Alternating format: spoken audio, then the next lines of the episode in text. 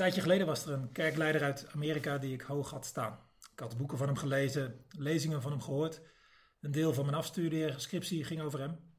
Een inspirerende kerel die zeker in mijn studententijd veel voor me betekende. Hij had het ook meermalen over het belang van integriteit, van eerlijk zijn. En toen kwamen er afgelopen jaren steeds meer geluiden van meerdere vrouwen die vertelden hoe ze door hem benaderd waren. Geen dingen waar je voor je strafrechtelijk vervolgd wordt, maar wel dingen die allerminst integer of eerlijk waren.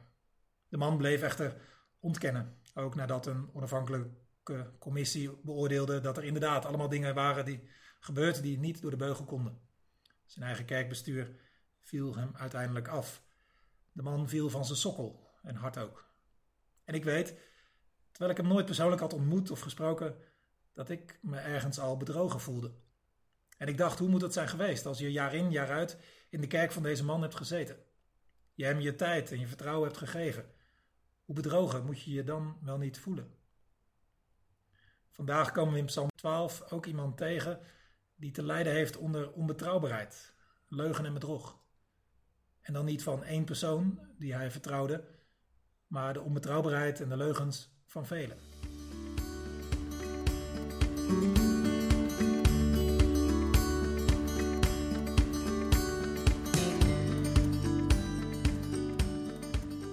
Lezen deze korte psalm nu eerst.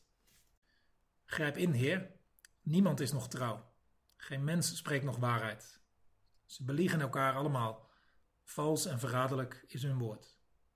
Heer, snijd hun valse tongen af. Snoer de monden vol grootspraak, die zeggen: Met onze tong zijn we sterk, onze mond helpt ons, wie kan ons aan?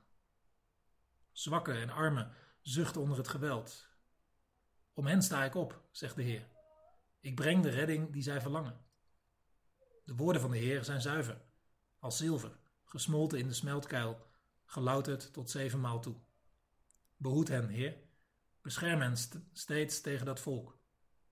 Overal sluipen verraders rond, en onder de mensen verbreidt zich het kwaad. De bidder van Psalm 12 heeft te maken met een omgeving die is verziekt door leugen en bedrog.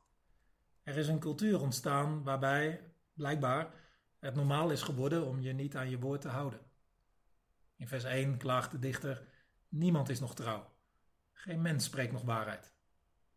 Hij heeft dus zo vaak te maken gehad met leugens, bedrog, verraad, dat hij het vertrouwen in de mensen is verloren.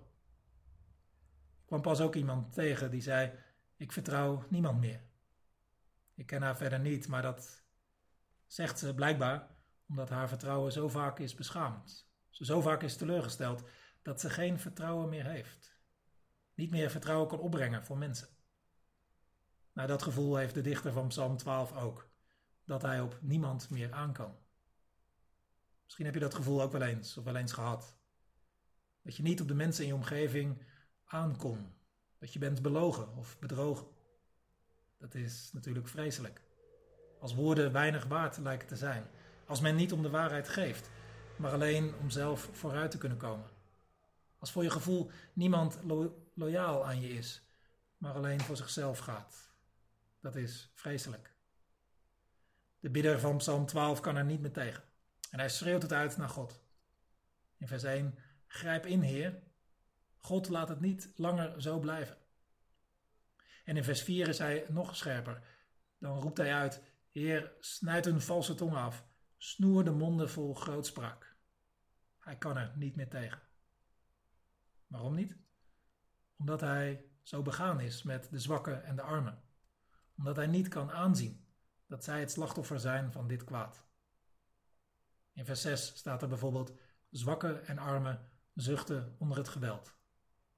De dichter weet dat al dat gelieg, het bedrog, het verraad, dat de zwakken en armen daar het meest onder te lijden hebben. Zij zijn het voornaamste slachtoffer van al dat verbale geweld, van al die leugens.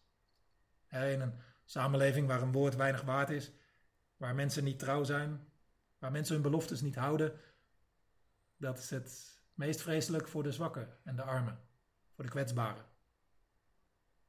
Als, als mensen niet op elkaar aankunnen, is dat het ergst voor hen die juist afhankelijk zijn van anderen. En dan wordt opeens in deze psalm een woord van God ingevoegd. Iets wat in de psalmen af en toe gebeurt. En God zegt dit ene zinnetje. Om hen sta ik op. Ik breng de redding die zij verlangen.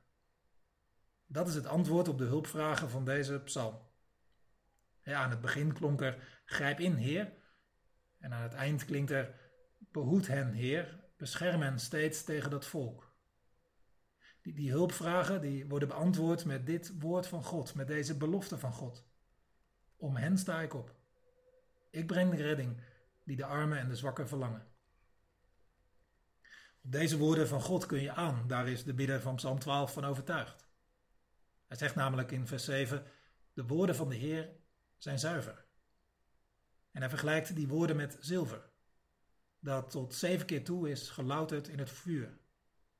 Die woorden van God, daar, kun je dus wel op aan, want er zit geen grammetje onwaarheid in. Geen spoortje van onechtheid. Het is zuiver. God, God manipuleert niet met, met woorden. Nee, hij is trouw en hij spreekt de waarheid. Ik denk dat het goed is om dat ene zinnetje diep tot ons door te laten dringen. Om tot ons door te laten dringen dat, dat Gods woorden zuiver zijn. Dat je daarop aan kunt. Juist ook in de tijd waarin wij leven. Een tijd waarin de waarde van het woord is gedevalueerd. Misschien wel op enigszins vergelijkbare wijze als hier in Psalm 12, al lijkt de situatie in Psalm 12 wel helemaal verziekt. Maar toch, ook in onze tijd wordt er zoveel gezegd en geschreven. En nog nooit in de geschiedenis van de mensheid zijn er zoveel woorden verschenen. Maar de waarde van het woord lijkt in onze cultuur in ieder geval niet te stijgen. We worden overspoeld met nepnieuws en complottheorieën en valse beloften. En als we misleid zijn en we het verkeerde denken, dan bevestigen algoritmen ons voortdurend in deze verkeerde denkbeelden. En op allerlei manieren worden we gemanipuleerd om ons geld uit te geven aan dingen of belevenissen waar we niet van wisten dat we die echt wilden. Meer en meer laten we juristen alles dichttikken, omdat we weten dat een ja-woord niet alles zegt. Over ja-woorden gesproken, we vinden het moeilijk om trouw en loyaal te blijven aan partners, families, vrienden, gemeenschappen. Dat is onze wereld, waar wij ook wel geleerd hebben woorden te wantrouwen. En in die wereld van ons vragen wij ons dan af: waar kun je wel echt op aan? Op wie kun je echt aan? Bij wie weet je nou zeker dat je niet gebruikt wordt? Het antwoord van deze psalm is: bij God. Zelfs in de meest leugenachtige tijden. Zelfs al leef je in een zeer leugenachtige omgeving. Op God kun je aan. Want, zo wordt in deze psalm gezegd, zijn woorden zijn zuiver. Zuiver als zilver, gesmolten in de smeltkuil, gelouterd tot zevenmaal toe. En als God dan zegt dat hij opstaat voor de zwakken en de armen, dat hij hen zal redden, dan kun je daarop aan. Hoe, waar, wanneer hij redt, dat staat er niet bij. Maar dat hij opstaat en redding brengt, daar kun je op aan. En als je bidden gaat, dan kun je dat je te binnen brengen. Dat is wat deze psalm ons leert. Zeg het in je gebed. God, u zegt toch dat u de redding brengt die mensen verlangen. Als het pijn doet aan je ogen dat de zwakken en de armen geschaad worden door de leugens van anderen, door het bedrog en de grootspraak van mensen. Herinner je dan dat God voor die zwakken en armen opstaat. En ook als je zelf last hebt van ontrouw, leugen, bedrog, weet dan dat God je ziet en je zegt: Ik breng de redding die je verlangt. Daar kun je op aan, omdat het er staat in Psalm 12, omdat God het zegt. Maar, dat zou ik eraan toevoegen, ook omdat Jezus is gekomen. In Jezus heeft God zich uitgesproken en gezegd: Zo breng ik de redding die je verlangt. Want de redding van God gaat via Jezus. Hij brengt de redding die ook jij verlangt. Anders en dieper misschien dan je wist van jezelf. Misschien van dingen waarvan je niet eens wist dat je van gered moest worden.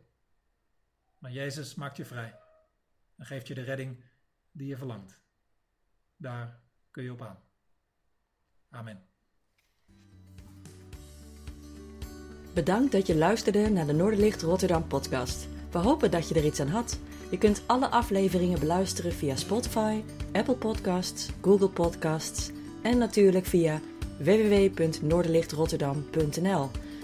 Heb je een verzoek voor een onderwerp of heb je een idee voor een gast in de podcast? Stuur dan een mailtje naar podcast.noorderlichtrotterdam.nl of vertel het ons via Twitter. En misschien kun je ook een kijkje nemen op ons YouTube-kanaal. Tot de volgende keer.